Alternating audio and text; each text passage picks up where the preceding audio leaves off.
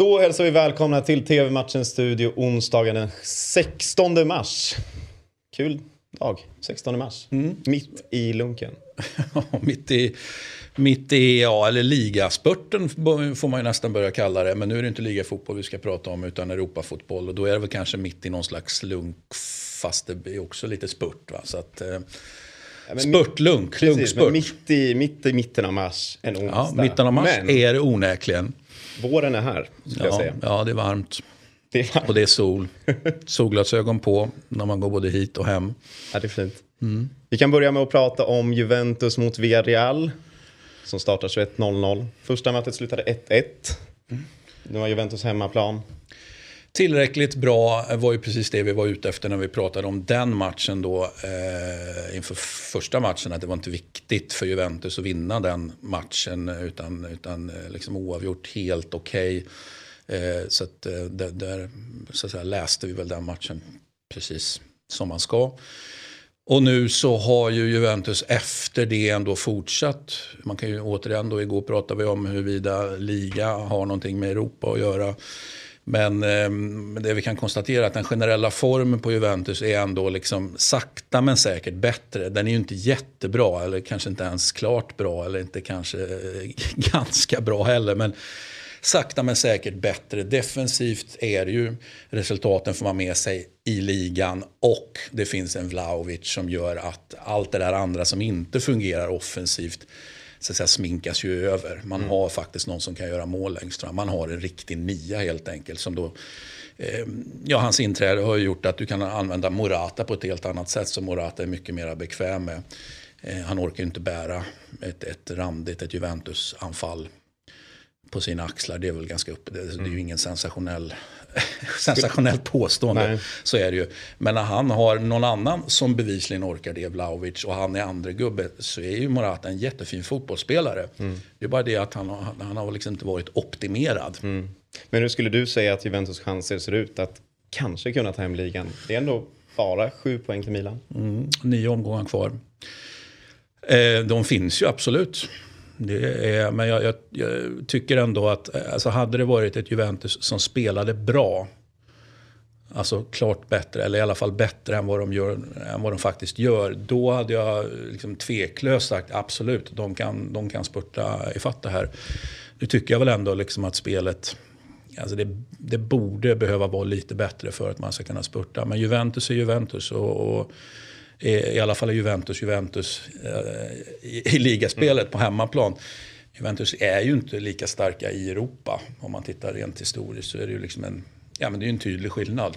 Med det sagt, de är ju inte kassa i Europa men man är ju inte alls lika Det är det enda, historiskt eh, så att säga, vassa som på hemmaplan. det är det enda italienska laget kvar i Champions League va? Ja, de eh, står ju med en, en eh, italiensk fana här också. Som man då ska bära. Ja.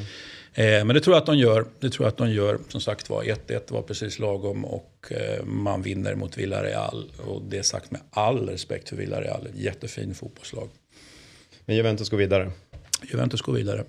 Matchen startar 21.00 och ni ser den på Simor. Nu till eh, favoritlaget. TV-matchens studio, favoritlaget. Lille mot Chelsea. 21.00 även där. Mm. Hade ju kunnat vara lite mäckigt för Chelsea. Eh, och nu pratar jag egentligen bara rent fotbollsmässigt. Alltså nu är det ju rätt mycket annat som är mäckigt för Chelsea just nu med, med allting som har hänt och, och kommer att hända med, med Abramovic och så vidare.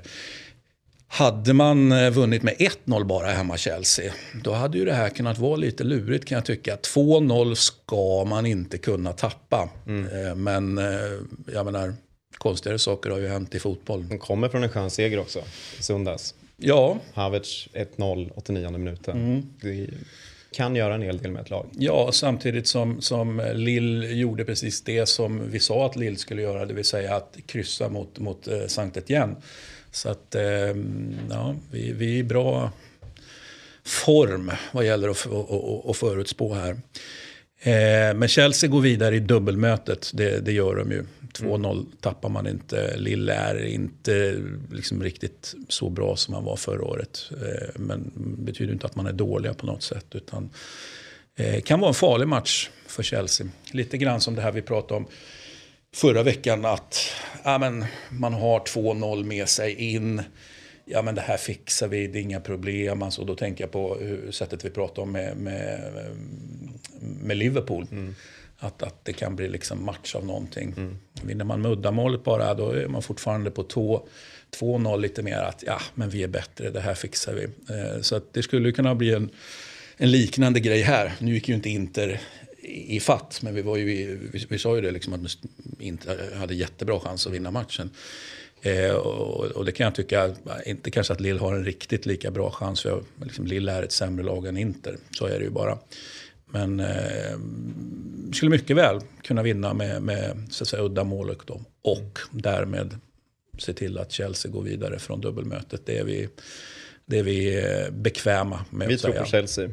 Ja, vi, Chelsea vinner dubbelmötet. Ja. Men eftersom att det, det, vi, vi har ju pratat mycket om Lill och ja. gått igenom spelare. Ja. Är det någon extra man ska hålla koll på i, i det här? Ja, men då är det väl i sådana fall Jonathan David som ska, liksom, jag menar, för att de ska gå vidare här så måste de ju göra mål. Eh, dels vinna matchen, men sen också om man då skulle stå för någon jätteöverraskning sett till dubbelmötet så, så måste ju målen in och då, ja, då, då, då är det svårt att inte tänka på vad Jonathan David kan mm. hitta på. Och sen har vi ju min favorit turk där uppe. Eh, Gilmas också. Så att jag menar, han får ju, jag menar, men nu är gubben gammal va, men han kan än. Men, men han var ju stundtals magisk. Mm förra säsongen. Då. Mer magisk kan jag tycka än, än David. Då. Men som sagt var, den ena är ung, den andra gammal. Det är, liksom, det är två kurvor som går mot varandra och förmodligen redan har liksom korsat varandra. Mm. Så, så det är ju målen som ska, som ska till där. Om de nu ska göras av anfallare, så behöver det inte vara heller. Nej, verkligen. Matchen startar 21.00 och ni ser den på Simor. Turmatchen Studio är tillbaka imorgon igen. Hej!